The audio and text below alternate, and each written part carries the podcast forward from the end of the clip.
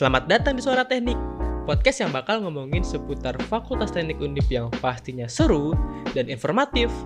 Yuk dengerin podcastnya sekarang juga.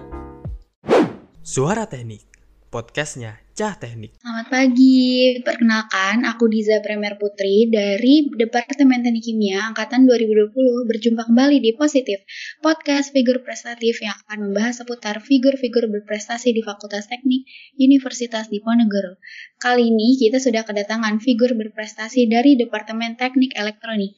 Langsung saja kita sambut Mas Gigi Windu Wijaya dari Teknik Elektro Angkatan 2018. Mas Gigi boleh memperkenalkan diri dulu Mas? Oke, makasih banget buat uh, Diza Premier Putri yang sudah uh, melonggarkan waktunya. Halo semua, aku Gigi Windu Wijaya, biasa dipanggil Gigi dari jurusan Teknik Elektro angkatan 2018. Um, my values is individualistic, theoretical, and regulatory dengan visi profesional religius. Tapi meskipun namaku Gigi, aku orangnya nggak uh, berani-berani amat juga ya jadi sama gitu ya, masih punya rasa takut lah sama kayak teman-teman juga. Tapi sesekali coba buat keluar dari zona nyaman, refreshing gitu. Aku sendiri besar di Cilacap, sebuah kota industri dengan tiga cerobong PLTU-nya dan flare Pertamina. Serta lapas tertinggi yang paling menakutkan nih se-Indonesia, lapas Nusa Kambangan. Yang kemudian juga memilih Semarang sebagai kota pelabuhan hidup kedua di Undip. Halo Mas, wah itu udah jelas banget nih perkenalan dari Mas Gigi. Langsung aja nih Mas, kita ke pertanyaan pertama. Sejak kapan Mas Gigi ikut-ikut lomba? Boleh diceritain nih Mas pengalamannya gimana? Oke, kita coba ini ya, talk the walk ya. Uh, jadi kalau buat perlombaan sendiri tuh jujur, aku bukan orang yang cukup aktif ya saat SMA gitu. Jadi waktu SMA benar-benar nggak pernah ikut lomba akademisi yang individu sama sekali. Dan waktu itu juga nggak pernah sih ikut karya ilmiah. Jadi benar-benar nol nih ketika mencoba saat di kampus. Kalau waktu semester pertama dulu, waktu maba 2018, aku lebih banyak mengamati. Sama ikut-ikut kayak semacam seminar-seminar, akademisi gitu kan, bisnis juga self development. Nah, Berangkat dari sini, aku mulai nih mencoba peruntungan di perlombaan. Di awal tahun 2019, sempat nyoba juga gitu, lomba yang di lead sama Event Hunter Indonesia. Namanya itu Mawapres Academy. Nah, di sini banyak banget ketemu sama teman-teman hebat dari seluruh universitas di Indonesia. Bahkan dari luar Jawa pun ada waktu itu ikut kumpul di Prokerto. Nah, dari sini aku manfaatin banget nih buat berjejaring, komunikasi, dan ambil pengalaman-pengalaman mereka yang banyak ikutan lomba juga. Nah, di tahun 2019 ini, aku pun juga banyak uh, trial and error, ikutan lomba KTI gitu ya. Tapi cuman sampai finalis aja, 10 besar mentok gitu. Terus nyoba ikutan lomba create product. Waktu itu kontes mobil Surya tanpa awak juga dan gagal juga sampai di cuman finalis 10 besar aja. Terus pertama kali juga ikutan lomba bisnis plan pun gagal juga mentok sampai di uh, 10 besar. Jadi itu sih kalau pengalaman pertama kali banget ikut lomba tuh uh, di awal tahun 2019. Oke, sebenarnya udah keren juga sih dari udah da, udah masuk finalis. Oke Mas, mau nanya nih Mas, prestasi terbesar apa sih yang pernah diraih Mas Gigi? Oke, kalau prestasi ya sebenarnya uh, banyak juga gitu. Uh, maksudnya pengalaman yang aku dapat dari kegagalan di 2019 ya. Nah di sini aku coba evaluasi gitu kan dari setiap perlombaan apa aja sih yang bikin aku gagal gitu. Mulai dari penulisannya, kemudian presentasinya, serta alatnya. Nah, kalau aku sendiri jujur nggak bisa juga menilai mana prestasi yang terbesar gitu. Karena menurutku uh, effort dan usaha yang aku kerjain tuh hampir sama semua dan di bidang yang berbeda. Nah, setelah aku mengalami banyak sekali kegagalan, trial and error gitu, ikutin lomba gitu kan, apa aja. Alhamdulillah nih pecah telur juga di akhir 2019. Waktu itu uh, mendekati ujian akhir semester gitu. Jadi hari Seninnya dia ujian, aku tuh Sabtunya masih presentasi waktu itu di Jakarta. Namanya uh, Idea Challenge Renewable Energy yang diadain sama Univ Pertamina. Nah, alhamdulillah juga di situ uh, runner up. Dan konyol banget sih sebenarnya. Jadi waktu itu tuh aku kepengen banget naik MRT gitu kan, yang baru aja jadi tahun 2019. Nah, dari keinginan situ cari-cari gitu lomba yang bisa membawa aku ke Jakarta. Nah, mungkin kalau lomba ini adalah yang dari sisi experience-nya tuh e, berkesan banget karena bisa berkontestasi secara nyata dan langsung gitu di depan juri serta jalan-jalan juga ke kota yang mungkin belum pernah disinggahi kayak gitu. Nah, kemudian di awal 2020 kita tahu ya ada pandemik COVID-19. Nah, waktu itu aku habis semagang juga, tapi ya meskipun online tetap nyobain aja, explore gitu kan. Gimana sih uh, perlombaan kala online gitu. Nah, waktu itu pertama kali juga nyobain uh, lomba namanya Startup Weekend. Jadi di situ kita dalam waktu 54 jam ditantang buat ngedevelop startup dan pitching. Nah, alhamdulillah di sana juga jadi yang terbaik di Undip, tapi kurang beruntung nih di tingkat nasional. Setelah itu ikutan PKM juga di bidang teknologi, alhamdulillah sampai PIMNAS. Cukup melelahkan karena prosesnya panjang dan lebar gitu ya lama gitu durasinya berbulan-bulan ada monef juga gitu kan monitoring and evaluasi serta dari Pimnas kemudian ke eh dari PKM kemudian ke Pimnas dan di sini juga banyak belajar terkait administrasi secara format proposal terutama how to make a good presentation and present it wonderfully. Nah, di sini belajar banget. Terakhir yaitu adalah uh, Indonesia Inventors Day Wintex 2020. Nah, dari segi tingkatan mungkin ini yang terbaik ya. Dan satu-satunya yang pernah aku cobain nih di tingkat internasional.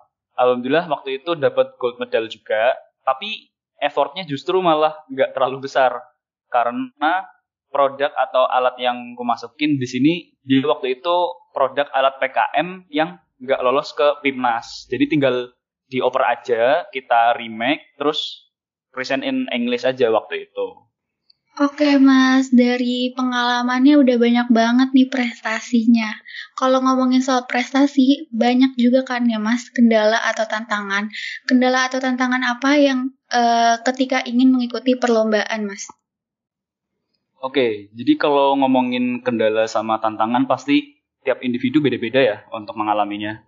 Kalau aku sendiri mungkin aku coba uh, kerucutin jadi tiga kategori. Yang pertama yaitu ada dari diri sendiri, kedua kerjasama tim, dan yang ketiga challenge yang diberikan dari masing-masing perlombaan yang kita ikuti.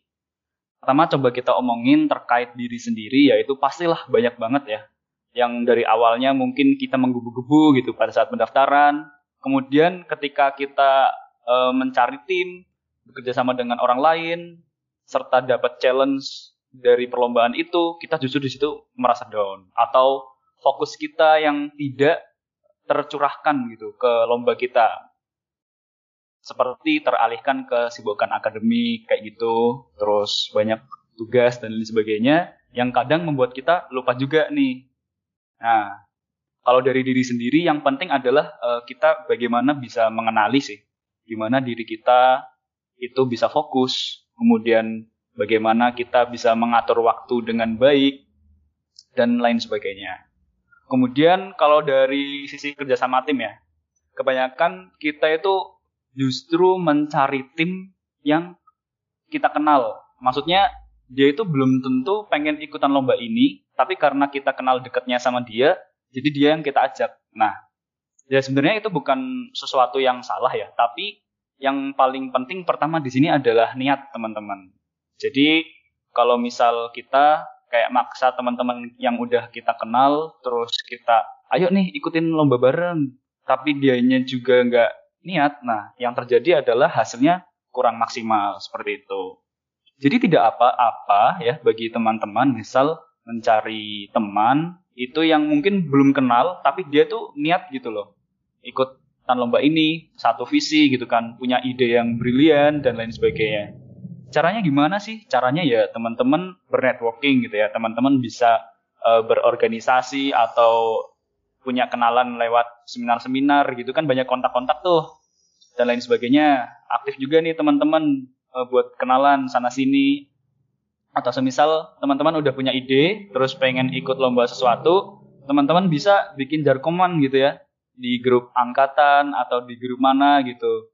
Dengan uh, aku pengen ikut lomba ini nih barangkali ada teman-teman yang tertarik niat gitu sama ini bisa juga nah dari situ kita bisa menyaring gitu ya tim yang cocok itu kayak gimana dan kemudian tim ini komposisi tim itu juga penting teman-teman jadi misal kita ingin mengikuti uh, sebuah lomba bertemakan teknologi gitu ya. Nah, kalau dari sisi teknologi tentunya kita membutuhkan teman-teman yang paham terkait teknis. Nah, jangan sampai di tim ini justru malah tidak ada gitu teman-teman yang memiliki latar belakang latar belakang dari sisi teknis kayak gitu. Jadi misal pengen bikin apps nih gitu, ternyata uh, contoh teman-temannya dari uh, selain informatika atau tekom atau elektro gitu ya yang paham terkait coding. Nah, jadi paling tidak itu sesuaikan komposisi tim teman-teman dengan yang dibutuhkan gitu. Dan Mas semakin banyak latar belakang yang berbeda, maka sudut pandang teman-teman untuk memecahkan masalah akan semakin banyak juga, akan semakin kaya dan semakin baik seperti itu. Oke mas, teman-teman boleh dicatat nih poin-poin untuk mengikuti lomba-lomba nanti. Oh yang ngomong-ngomong soal tadi banyak tugas, mas. manajemen waktu seperti apa yang Mas Gigi terapkan ketika mengikuti perlombaan-perlombaan mas? Oke, terkait manajemen waktu ya. Jadi coba aku lontarkan sebuah pertanyaan ya ke teman-teman. When does your mind work best? Jadi kapan sih uh, berpikir atau pikiran dari teman-teman atau teman-teman itu bekerja di waktu yang kapan gitu, yang terbaik. Nah, jadi manajemen waktuku atau dan teman-teman pasti berbeda ya, karena uh, karakteristik diri masing-masing itu juga berbeda. Nah, aku coba deh sharing uh, sharing sedikit gitu ya uh, ke teman-teman supaya bisa mengenali diri. Nah, tentunya di sini kita mencoba untuk work smarter, not harder ya. Mengapa? Karena produktivitas bukan hanya soal mengeliminasi prioritas atau soal bagaimana cara mengerjakan sesuatu dengan efektif, tapi juga kapan kita mengerjakannya. Nah, buat ngerjain apa pun, kita itu butuh energi ya. Jadi otak kita bahkan butuh plus minus 25% dari asupan kalori per hari untuk berpikir dan mengatur badan kita supaya berfungsi dengan baik. Nah, dengan mengenali jam-jam terbaik kita, kita akan bisa mengalokasikan energi kita untuk hal-hal yang lebih sesuai. Nah, kalau aku nih, berdasarkan buku You Do You yang aku baca, kita menyebutnya jam pinter dan jam bego gitu. Nah, coba teman-teman kenali diri sendiri, apakah kawan-kawan itu tipe yang lumba-lumba gitu ya, yang tidurnya bentar, terus bisa bangun pagi, atau tipe beruang yang benar-benar harus tidur 8 jam biar badannya fit. Atau mungkin tipe serigala yang udah yang apa susah banget gitu bangun pagi-pagi tapi jeger bener kalau malam-malam atau bahkan tipe singa yang dia segar bugar di pagi hari tapi kalau udah sore atau malam udah loyo. Nah, teman-teman harus bisa nih menjawab kapan sih most creative hour kamu? Kapan sih juga least creative hour kamu? Kapan kamu butuh tidur berapa jam dan kamu butuh mental break itu kapan gitu. Nah, itu semua yang bisa menentukan adalah diri sendiri. Kalau udah tahu, silakan dijaga benar-benar jadwal jam pintar teman-teman dan bego kalian. Dipakai ini buat pekerjaan yang butuh energi lebih gitu ya. Bandwidth berpikir lebih serta kreatif lebih. In my case, aku sendiri punya jam pintar di pagi hari sekitar jam 8 sampai 11 siang. Nah, kalau sore hari itu sekitar jam 2 sampai setengah 6. Nah, sisanya aku selipin kerjaan kayak kapasitas otak rendah gitu ya.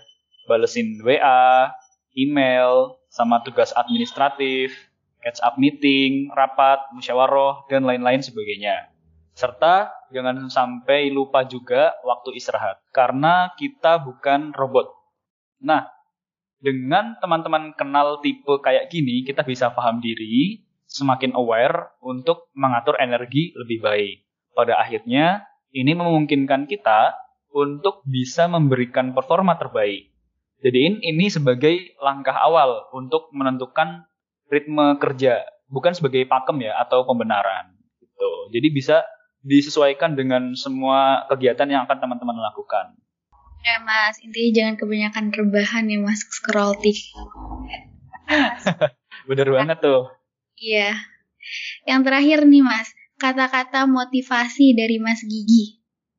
Oke, jujur aku juga nggak bisa nih bikin kata-kata motivasi, jadi aku bikinnya paragraf aja ya teman-teman ya. Intinya ini sih, pasti teman-teman sering banget dengan dengar kata ini gitu, jangan takut gagal. Iya bener, jangan takut gagal. Justru takutlah bila tidak pernah gagal. Namun jangan bangga juga kalau teman-teman gagal terus gitu. Gagal akan selamanya gagal apabila tidak diiringi dengan evaluasi dan improve ke arah yang lebih baik. Dengan kita mengevaluasi kegagalan, maka gagal ini akan berubah menjadi experience atau pengalaman. Dan jangan pernah juga meremehkan perencanaan atau planning orang yang tidak pernah berencana sama dengan merencanakan kegagalan. So, do your planning and talk the walk before walk the talk. Sampaikanlah rencana dan targetmu ke semua orang, sampai-sampai dibilang ngimpi, bodoh, nggak mungkin, dan lain sebagainya. Kemudian, jadikan itu semua sebagai bahan bakar semangat teman-teman untuk mewujudkan planning kalian dan melakukan pembuktian. Oke, terima kasih Mas Gigi sudah mau mampir ke Positif Podcast Figur Prestatif. Mungkin cukup sekian episode positif kali ini. Semoga bermanfaat dan juga dapat memotivasi teman-teman agar menjadi figur yang berprestasi. Jangan lupa ya follow IG kita di @ristekbmftundip. Sampai jumpa di episode berikutnya.